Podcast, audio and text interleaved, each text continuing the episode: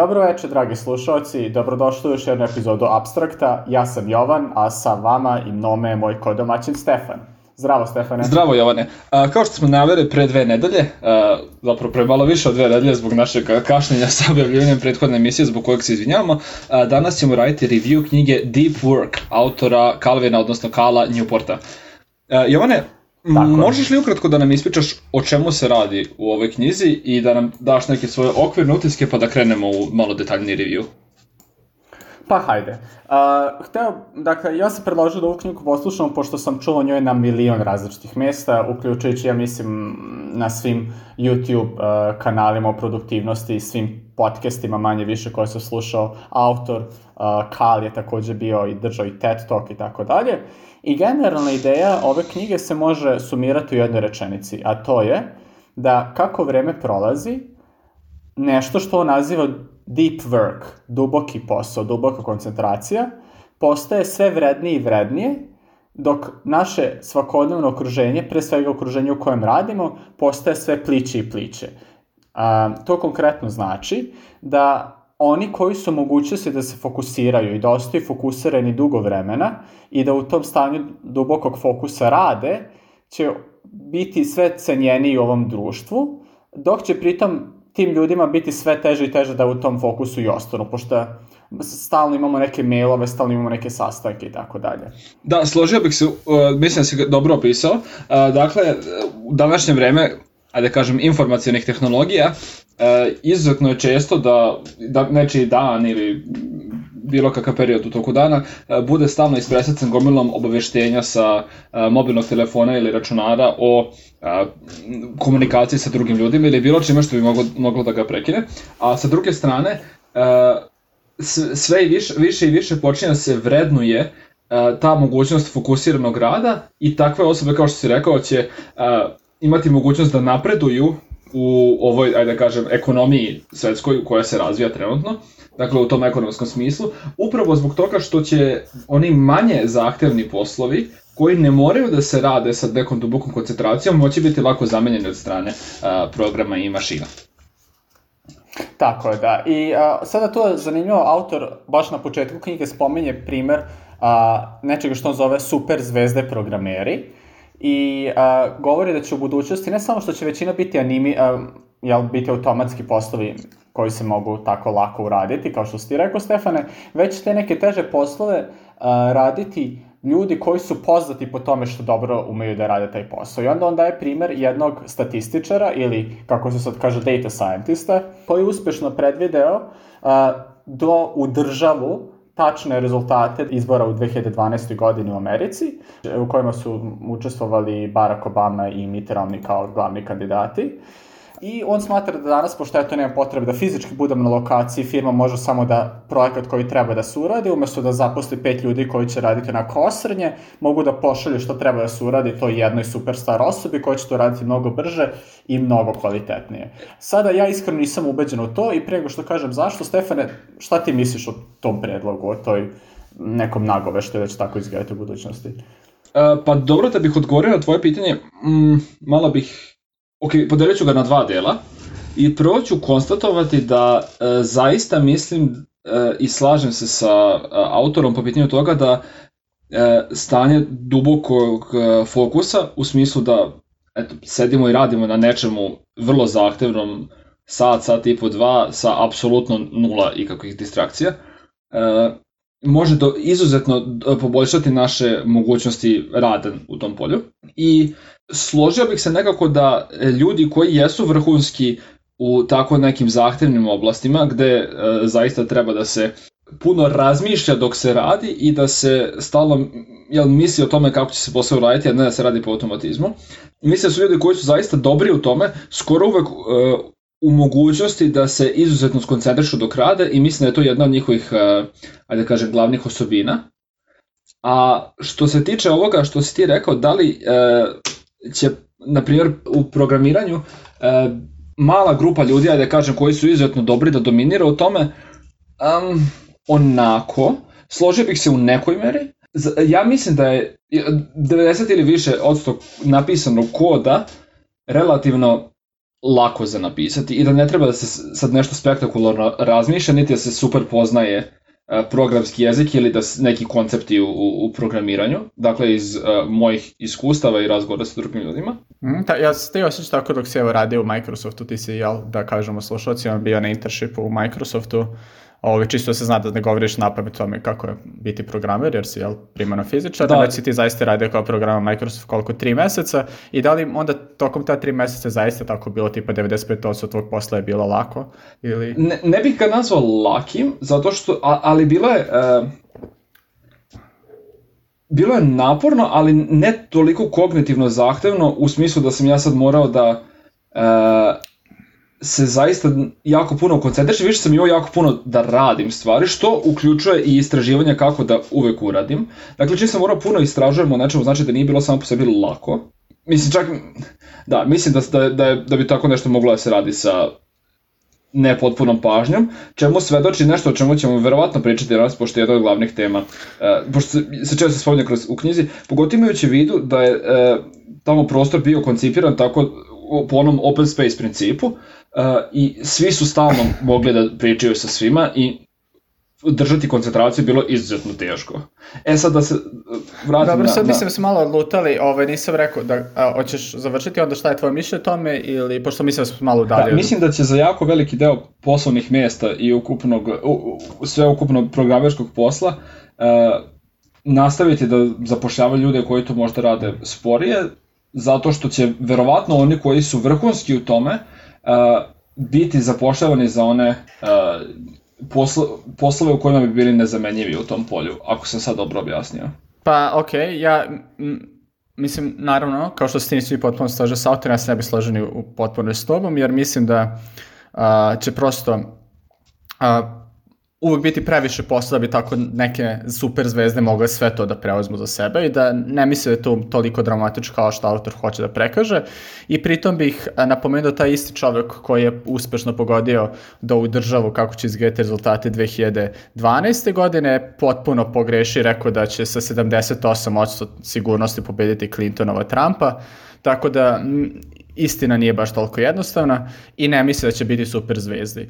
Uh, što ne znači da se ja ne slažem sa tom generalnom porukom, a slažem da će, dakle, kako vreme ide, da će ljudi koji umeju da se fokusiraju, i sad dolazimo do poente, da su te super zvezde super zvezde ne samo zbog prirodnih talenata, već zbog toga što umeju da se fokusiraju na to što rade.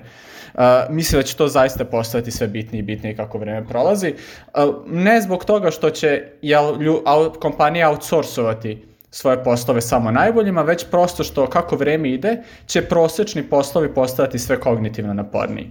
To je neka, neka, neki trend koji postoji sve od, jel, od mm, ja bih rekao posljednjih dva veka od kad smo krenuli tako manje da se bavimo fizičkim poslovima, više tim nekim se, a, servisnim poslovima, tako bi se rekao, odnosno uslužnim delatnostima i sad evo uz ovu, indu, ovu ko je to već treća ili četvrta a, re, industrijska takozvana evolucija, to je u ovom slučaju informatička revolucija.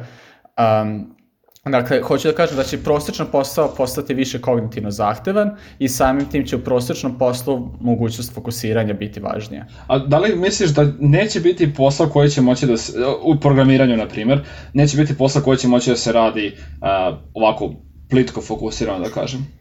Naravno da hoće, evo na primjer frontend. Uh, Šalim se naravno, ali mislim da će a, takvih posla biti sve manje i manje. Jer evo, na primjer, ja se bavim data science-om i sada ljudi bi rekli, ok, bar sam ja siguran za svoj posao, jer eto, ja bukvalno pravim te machine learning algoritme, ali zapravo ne. A, u, prvoj, u prvom semestru, znači to je baš početak mog mastera, smo radili iz jednog predmeta nešto što zove AutoML, to je to automatsko mašinsko učenje gde se samo ubace podaci i sve ostalo radi program automatski po principu nekog, nekog heurističke pretrage, nije sad bitno šta je, ali hoću da kažem, sve te relativno jednostavne stvari će postati automatizovane u određene meri i mislim da će samim tim a, sve postati mnogo kognitivno teže svaki posao.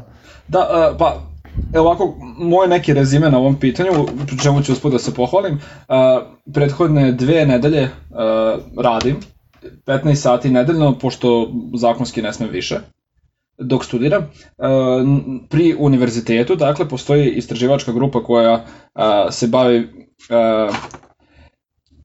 visoko, mm, ajde da ne prevede malo rogobatno, ali ajde rećemo naučnim istraživačkim programiranjem na visokom nivou. I tamo u grupi u kojoj ja, sam ja, prave algoritam koji ima za cilj da simulira funkcionisanje mozga. I takođe su često, koliko sam ja razumeo, uh, unajmljivani uh, od strane raznih uh, kompanija ili drugih instituta da ubrzaju neke njihove kodove. I to rade na zaista meni do sada nejasnom nivou, mislim znam o čemu bi se radilo, jel, ali zaista na, na visokom nivou koji ne mislim da je nimalo jednostavan, pošto uključuje i one sitne optimizacije, da se kod prilagodi različitim hardverima i tako dalje, no svakako uh, dok sam tamo radio, mislim da sam ajde da kažem, upoznao dimenziju programerskog posla potpuno različitu od, ajde da kažem, industrijskog programiranja, kao što je bilo u, kada sam radio u Microsoftu razvojnom centru.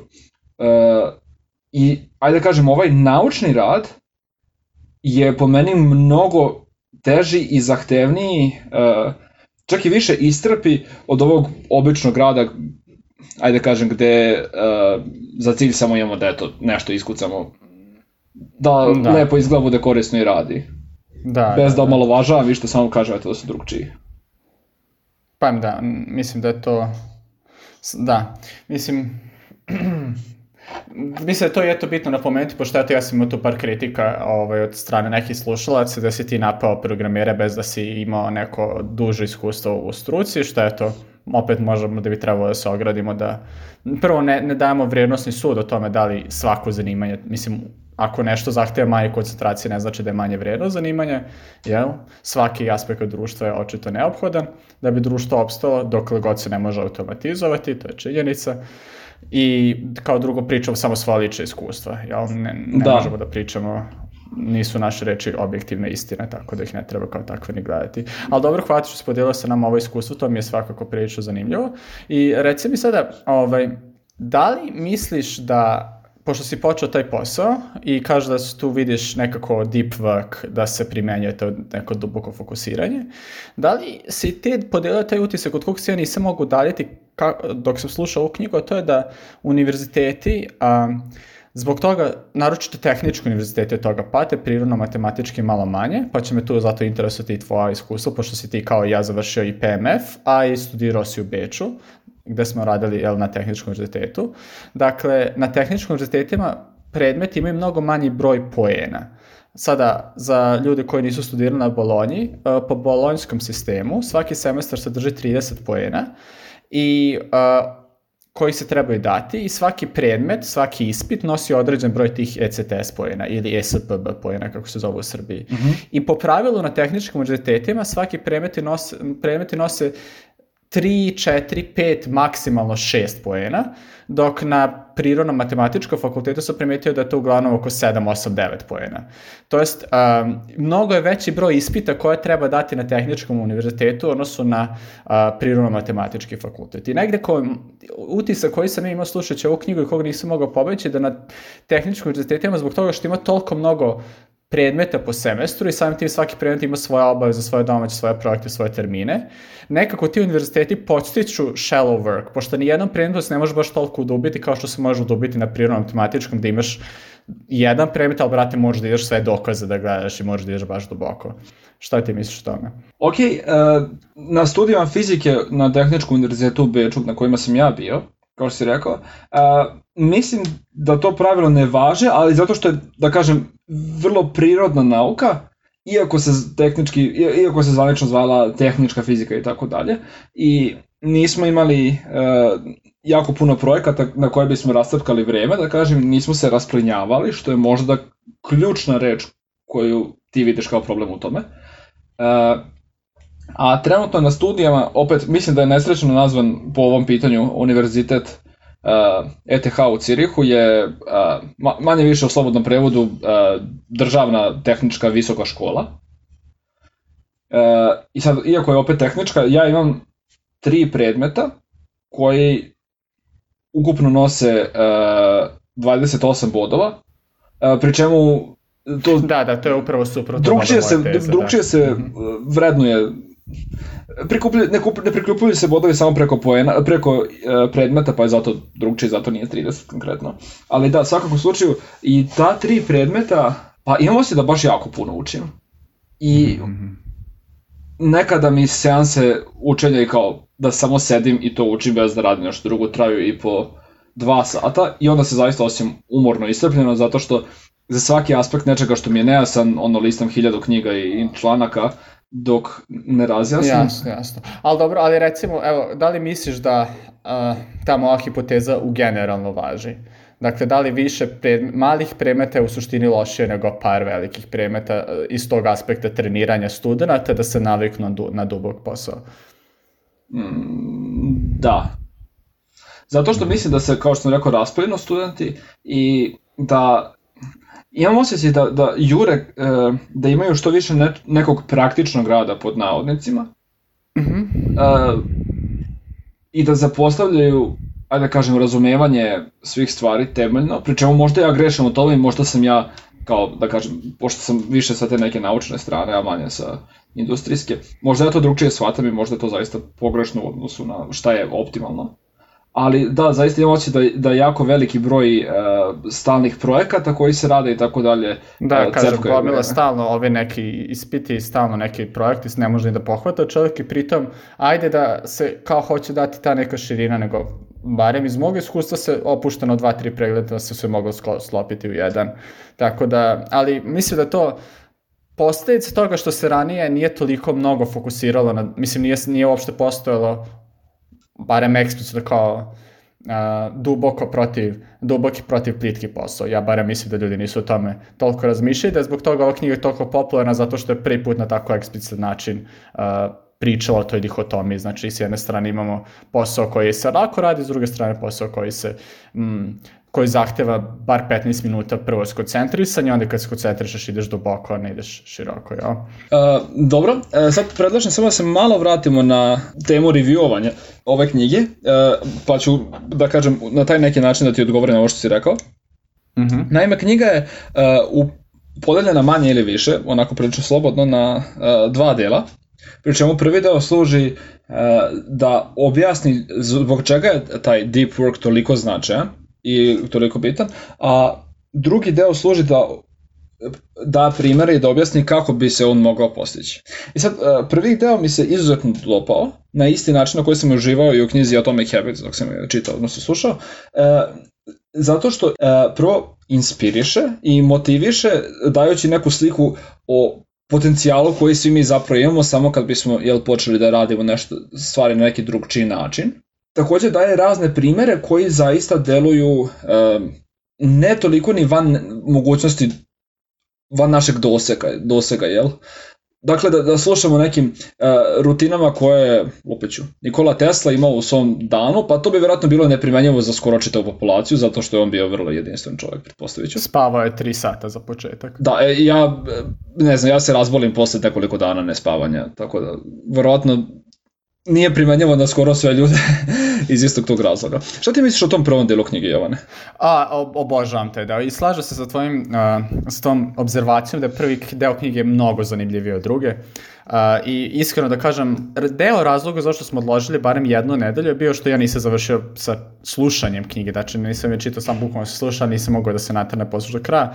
Uh, pošto smatram da barem posljednjih, recimo posljednja šestina, barem ako ne i posljednja trećina, već malo reiterira ideje od napredine i ideja je relativno jednostavna, a ta jednostavna ideja je prezentovana na sjajan način u tom prvom delu i prvo što mi pada napred kao deo te sjajne prezentacije primer sa Jungom koji je to živao kod tebe Stefan, jel, u Cirihu i koji je, mislim možda hoćeš ti da kažeš pošto ti eto se seti tog primera pa da ti ne kradem vodu iz vodenice. uh, može, može, hvala. Uh, svakako, uh, Jung je uh, odlučio da se preseli na određena doba godine, a to ćemo se, takođe ćemo, ćemo se vratiti na ovaj vremenski period kao koncept u tom primjeru.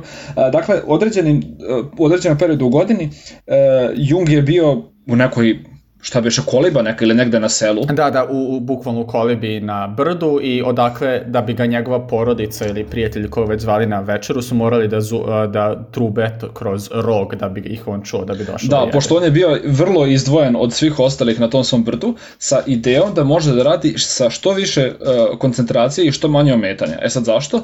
Pa u vreme kada je on radio, njegov, ajde kažem, suparnik po mišljenju je bio Sigmund Freud, koji je... Koji je živeo kod mene u Beču, tako da mislim da smo našli odličan par. da, ove, svako, i danas je vrlo uh, poštovana ličnost i ime, samo po sebi, a možemo misliti da kako tek tad bilo. I uh, Jung je uspevao da, ajde da kažem, polovinu godine provodi tamo izolovan od svega drugog i da pruži neki rezultat istraživanja koji je bio uh, uporediv sa rezultatima jednog eto, imena kao što je Sigmund Freud. I, uh, da, uporediv da kaži... ostanemo na tome, jel? Pošto, da, nije, la... mislim, svakako su obojice ostali kao jedni od najvećih psihologa u istoriji zabeleženi, tako da uporediv je pravo. Da, još, da. svakako. I sad, uh, šta je, šta je suština sa tim? Uh, autor ističe nešto što je meni bilo izuzetno zanimljivo.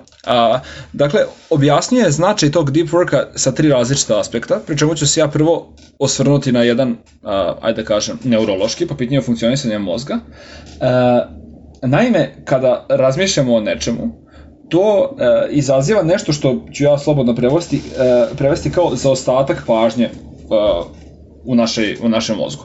E, gde ukoliko razmišljamo o jednoj stvari i pređemo na razmišljanje nečem drugome, imaćemo e, tragove jel, one prve stvari u mislima i tako dalje i često će nam izranjati onako na površinu i ometati nas u daljem radu. Mislim, to svi sigurno znamo kada smo radili bilo šta i ole zanimljivo i odlučili da ipak krenemo da učimo i stalno razmišljamo o onome zanimljivo što smo radili. Da, da, da.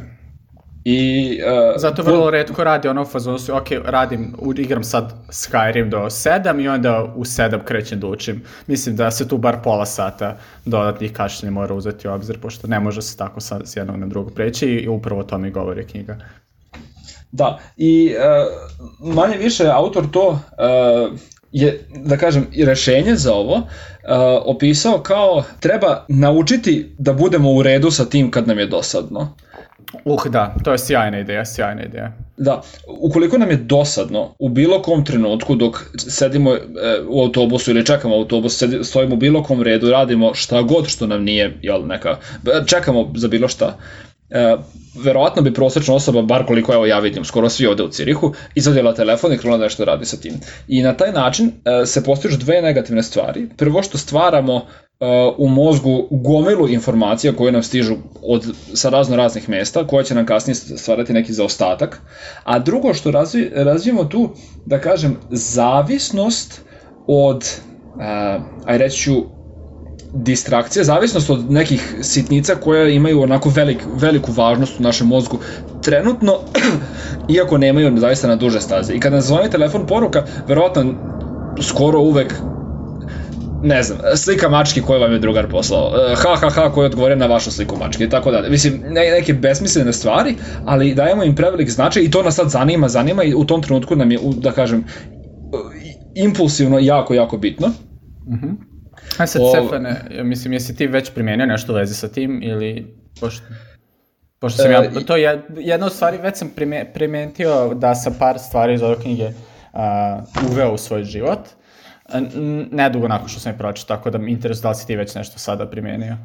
Da, pa e, pre smo pričali o društvenim mrežama i kako ometaju fokus. Uh -huh. uh, I samo digresija, autor je vrlo poznat po tome što uh, nema nalog ni na jednoj društvenoj mreži koja je nešto popularna i na njegovom sajtu ne postoji nikakav email za komunikaciju i tako dalje.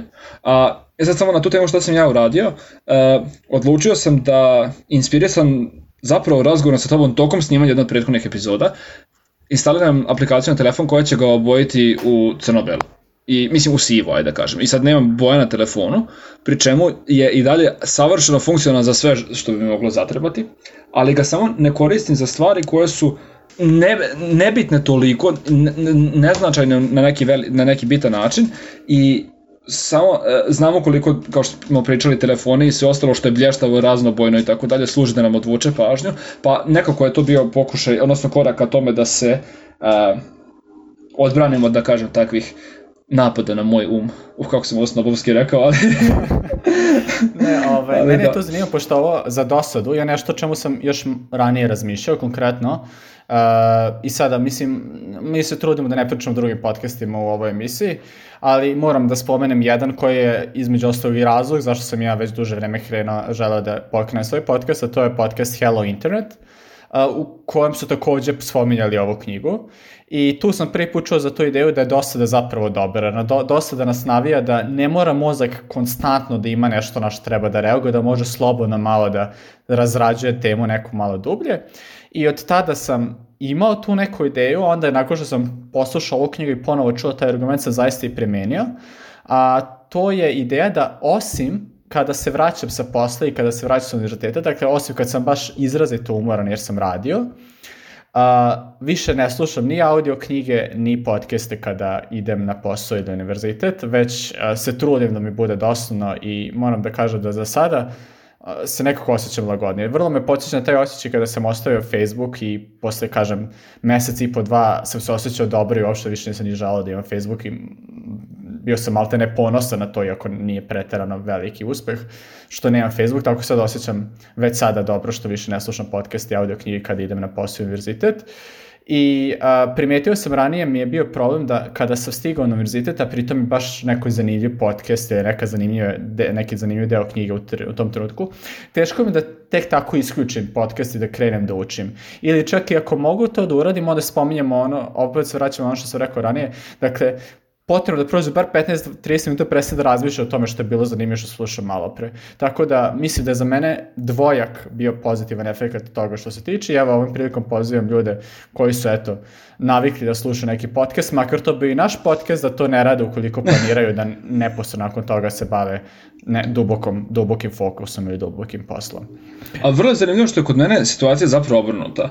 Kada idem na posao ili tako dalje, mm -hmm. uglavnom ili slušam neki uh, podcast ili muziku. Uh, Sada za muziku mislim da nije baš isto, sa... zato što muzika ipak mnogo manje zahteva, jel?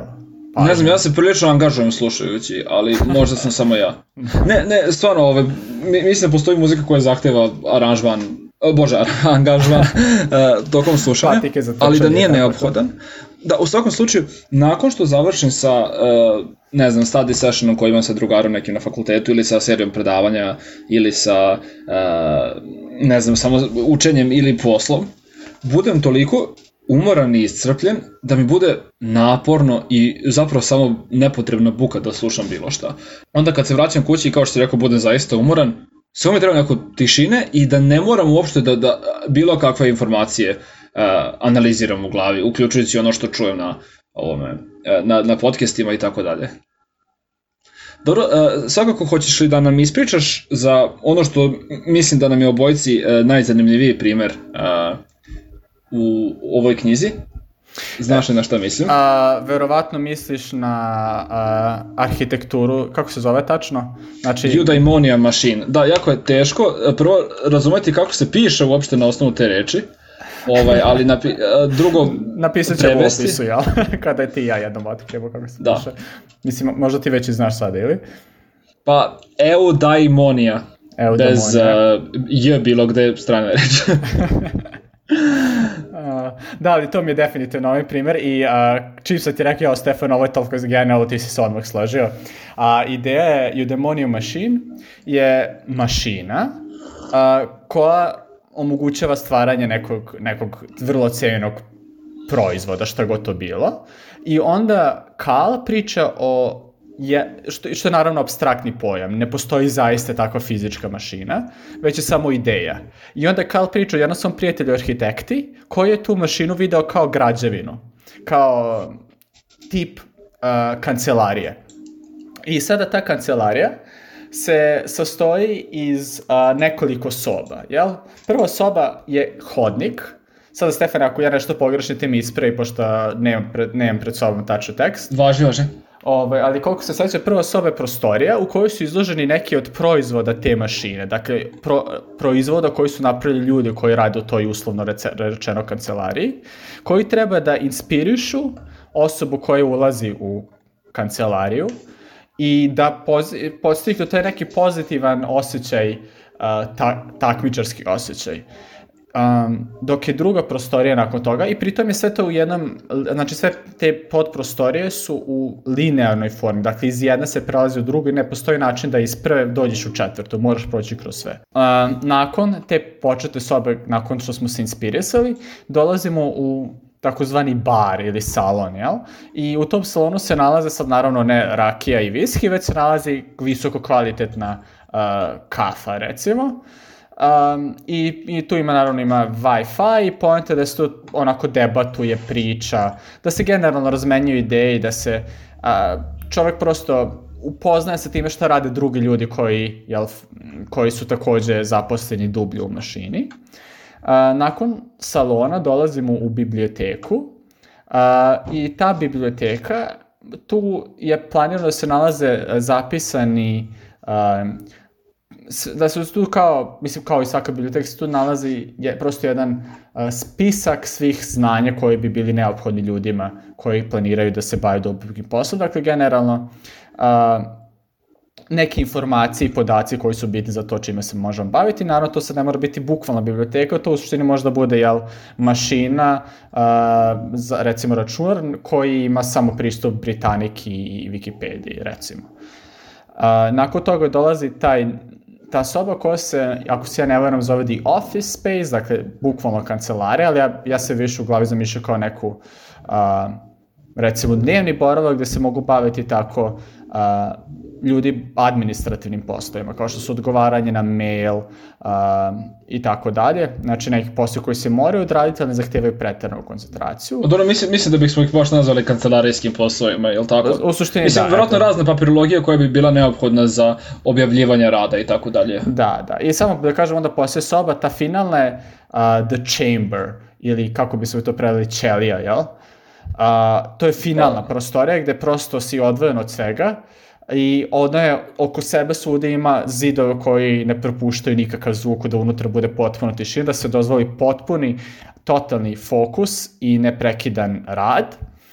I sada što je meni jako zanimljivo bilo, to je knjizi jedno ste posle poruku, jer smo ta, ti ja o tome govorili prego što smo pročitali, pre, a, taj arhitekt je zamislio da se u ovoj ćeliji, u tom najdubljem a, delu mašine, uh, nalazi čovek sat i po vremena i onda da nakon toga izađe na pola sata i bude opet sat i po vremena i da više toga dana ne ulazi u ćeliju, jer on smatra da efektivno ne možeš raditi više od 3 sata sa dubokom koncentracijom bez, uh, bez da ti opadne značajno kvalitet. I još samo jednom da ponovim kojih pet delova ima, pa ću te onda pitati Stefan šta ti misliš o ovoj arhitekturi. Mm -hmm. Dakle, uh, rekli smo na početku, imamo in, sobu, hodnik u kojem se čovjek može inspirisati, onda imam taj salon ili bar koji služi za sarađivanje i razminu ideja, onda imam biblioteku gde čovjek može da istražuje i generalno se informiše o tome kakva znanja već postoje, kakvi radovi su već napravljeni. Zatim imamo tu kancelariju ili dnevnu sobu gde se bavimo tim nekim malo površinskim poslom. I na sam kralju imamo ćeliju u kojoj se uh, radi deep work. I sad to je zanimljivo da taj arhitekta bio inspirisan samim Kalom, uh, koji je pre toga, samim Kalom Newportom, koji je još pre toga objavljivao postoje na svom blogu gde je pisao o dubokom poslu, deep worku i zbog toga je i ćelija zaista i opis ćelije crtica deep work. Tako da eto imamo taj neki krug da kažemo. Dobro, uh, pa i moje mišljenje o ovome je da mm, je ovo vrlo pametno osmišljeno sa idejom da su zaista svi ovde uh, elementi sa ciljano tu i baš u tom redosledu. Mm -hmm. uh, dopada mi se i to što uh, koliko sam koliko se ja sećam iz slušanja knjige uh, u ovoj zgradi ja da kažem bi postojao pristup internetu samo u ovom salonu dok bi u ostalim, uh, pa mislim, vjerojatno i u kancelarijskom prostoru, što da ne, pretpostavljam, ali da, u, svakako dok se radi na onome, uh, na samom istraživačkom poslu, uh, pristup neophodnim podacima koji bi bio potreban, uh, bi bio kroz biblioteku, zašto biblioteka sama po sebi skladiš, skladištela uh, one stvari koje su neophodne za istraživanje, ali opet ne i one stvari koje bi ometale uh, ljude koji su, jel tamo? Da, da. Sad u suštini možda bi i u tom uh, ofisu i u librariju, to jest u, u toj biblioteci, mogo da se nalazi internet, ali se kaže sa, sa ograničenjima. Dakle, zamislimo neki računar koji ima proxy koji ne dozvoljava ništa sem tim nekim odabranim sajtovima da Da, naučnim časopisima i tako da, dalje. Da, da. Uh, u svakom slučaju, kada sam slušao to, zvučalo je jako dobro, prelepo na neki način. Da Odlična reč. Uh, zato što boravak tamo i vreme pro, posvećeno tako nečemu je vrlo svrsishodno vreme. A svrsishodno vreme čini ljude zadovoljnima, srećnima i ispunjava njihove živote. Bilo da je to vreme provedeno sa lupom voljenim ljudima, porodicom ili na poslu ili nešto treće ili u izlascima šta god, ali vreme koje je svrsishodno provedeno i provedeno radeći, provedeno sa idejom, znači ciljano da se to uradi, je najbolje vreme koje možemo uh, iz nekog, po nekom mom mišljenju imati. -hmm. Samo postojanje ovako nečega bi dalo ve, mnogo veći značaj tome što ljudi rade, samim ti bi ih i motivisalo, po mom mišljenju, i učinilo im to lepšim, e, samo š, i mnogo efikasnijim, eto, da se ni na to osvrnem. Uh, malo sam da. ovo e, zbunjeno ispričao, sam zaista bio pod utiskom kada sam čitao ovo. I ne mhm. preterujem sad, stvarno sam bio pod utiskom. da, i ja sam isto bio, odmah se ti posle poruku, ovo je savršena savršen koncept. S tim što sam onda kasnije malo se razmišljaju, u suštini nisam siguran zašto je, na primjer, biblioteka odvojena od ćelije, jer ponekad duboko, duboki posao, samo istraživanje je po sebi duboki posao, jer čitanje nekih radova nije nešto što bismo mogli da čitamo na plaži ili pred spavanje, već je to zahtjeva duboku koncentraciju, ali mislim da kao ideja je, je vrlo interesantno i da je još više značajno kad uzmemo u obzir šta je to što je nekako današnja primarna paradigma kancelarije. To je takođe nešto o čemu autor priča, to su te open offices. I onda bismo možda mogli da se osvrnemo na to kao neku ovo sa, posljednju temu u ovoj današnjoj emisiji, mada ja verujem da nismo završili sa ovom knjigom, da moramo bar još jednu emisiju da je posvetimo. Mm -hmm. A, dakle, open office. I za ljude koji ne znaju, to su kancelarije u kojima nije jedna osoba, nisu dve osobe, nisu tri osobe, već malte ne ceo tim koji radi u, recimo za novine, svi ljudi koji, se, koji pišu novine su na jednom spratu i to je, ceo sprat nema ni jedan unutrašnji zid. Dakle, desetine i stotine ljudi, svi stoje na, a, jednom, pro, na jednom prostoru, svi imaju jel, tih par stolova velikih sede zajedno sa idejom da će ovaj, međusobno razgovarati i tako doprineti a, jedan drugom u radu. Dakle, Stefane, je to očar koncept i iskreno se nadam da kad budem radio, mislim, ako budem u firm, birao firme, firma koja ima open office će biti nešto što je za mene minus. Naravno, neće biti deal breaker, pošto kao što si rekao, neke od najprimamljivijih i najvećih i najpoznatijih firmi su nažalost potpale pod ovaj paradigam, ali svako će biti nešto što će biti minus kad budem odlučivao gde bih radio. Da, složio bih se sa tobom i mislim da to, ajde da kažem, podstiče razgovor i sar, saradnju između zaposlenih, ali na pogrešan način. Zato što mislim da je previše haotično i iscepkano uh, vreme provedeno tamo Mm -hmm, da, I da. bi se bilo bolje da postoji strukturirano vreme od recimo sat i po vremena rada i potom pola sata razgovora sa svim ostalim zaposlenima ovaj, ili na neki drugi način ne, ne mora znači da ovo što sam rekao, jel, dobro. E, I sad, potencijalno kao, potencijalni problem sa tim bi bio, aha, ali šta ako ti zatreba nečija pomoć u baš nekom trenutku? I ti sad ne možeš da ga pitaš jer ćeš ga prekinuti u tom njegovom radu, pa iz mog iskustva je vrlo dobro zapravo provesti oko pola sata, ali ne ni jako puno iznad toga, u pokušajima da se da sami rešimo neki problem. Mhm, mm -hmm, da, da. Zato što prvo rešavanje problema i istraživanje samostalno je jedna veština koja se na taj način razvija, a drugo opet nećemo ni da, kao što sam rekao, traćimo neče vreme za nešto što možemo za 15 minuta da sami otkrijemo kako se radi, jel? Slažem se, mislim da je to odlična poenta. A da. takođe mislim uh, da u knjizi je pružena i odlična alternativa open, open office prostoru, koja dakle i pruža tu mogućnost da ljudi međusobno razmenjuju ideje da se inspirišu međusobno, ali i pruža mogućnost za duboki rad, jel tako? Da, jel, koliko se ja sećam, to zapravo sada kad razmislim, uh, liči u nekoj meri na ovo kako sam, na ovo što sam ja sada opisao, Mhm. Zato što ljudi bi imali prostorije za samostalan fokusiran rad, da, da. ali uh, bi, pro, bi kroz bi na putu do bilo čega drugog, što uključuje čak i toalet i kafeteriju i bilo šta, prolazili kroz veliki otvoren prostor koji povezuje sve ostale prostorije i čija je namera upravo da se ljudi u njemu nađu i popričaju. Da. E sad, kako se tačno zove taj koncept i gde je primenjivan i kako znamo, misli kako autor zna da takav koncept je moguće da funkcioniše, možda da bude, eto, naš teaser za sledeću epizodu, pa da nateramo slušalce da nam, da, to je da ih ubedimo da nas poslušaju sledeći put, pa da im kažemo, eto, o čemu se konkretnije radi. Šta misliš o tome, Stefane?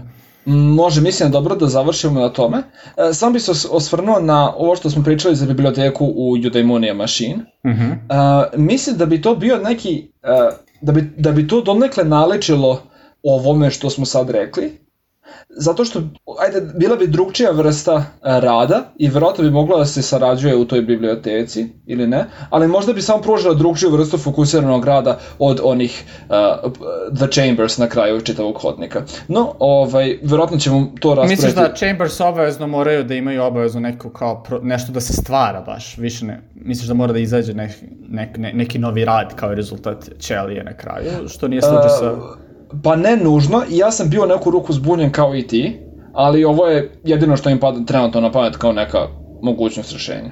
Neka mogućnost da kažem da, da potrebe za a, tom nekom bibliotekom, kad ono što bih ja verovatno uradio, otišao u biblioteku, uzeo knjige i od, otišao u ove Chambers. Aha, to je zanimljivo, to mi ni uopšte nije palo kao moguće. Da, upravo si to onda ima mnogo više misla ako možda poneseš šta god, knjigu ili hard Ili pogotovo ako da. imaš pristup iz onih finalnih prostorija.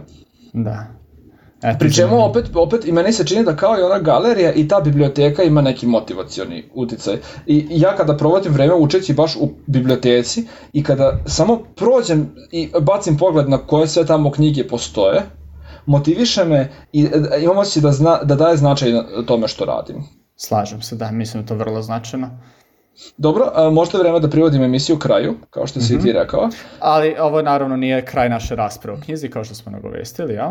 Da, spomenuo bih našim slušalcima, što je verovatno rekord u našem serijalu, samo jednom po epizodi, da je naša email adresa abstract.posta.gmail.com i čućem, dobro, svi vaši komentari, sugestije i pitanja su i više nego dobrodošli i potrudit ćemo se da ih čitamo uh, ili uh, da pustimo vaše glasovne poruke ukoliko nam u tom formatu uh, po, uh, pošaljete. Uh, takođe, možda još jedan mini teaser, možda iduće emisije budemo, uh, kada se budemo osvrtali na uh, drugi deo ove knjige i na, ajde da kažem samo ovakav posao, uh, da se osvrnemo na razgovor sa jednim našim slušalcem, slušalcem na temu kreativnosti i ajde reći ću, naučnog rada, koliko su tada povezani i tako dalje, tako da ukoliko se sećate toga iz naše prethodne epizode ili vas zanima uh, mišljenje jednog diplomiranog filozofa na tu temu, slušajte nas i u idućoj epizodi. Tako je, to je jedna vrlo zanimljiva poruka i sigurno će u ovom trenutku nje, do nje doći, a ukoliko i vi želite ovako vašu poruku koristimo kao najavu za sledeću epizodu, evo da kažem i drugi put, abstract.posta.gmail.com, sve poruke u tekstualnoj formi ili kao zakačeni audio snimak, što još i više volimo, primamo, čitamo, slušamo i možda i ubacimo svoju epizodu. Stefane, Dođe, hvala ti. Dođe, ništa od rekorda. izvini, Stefane, izvini ako sam tu u epizodi prekidao malo više nego inače, ne znam zašto, ali eto, uzbudila na, na, na, ja to volim. Dobro, hvala tebi i hvala slušalcima što su bili sa nama. Do sledeće epizode za nedelju dana, nadamo se. Zdravo! Pozdrav!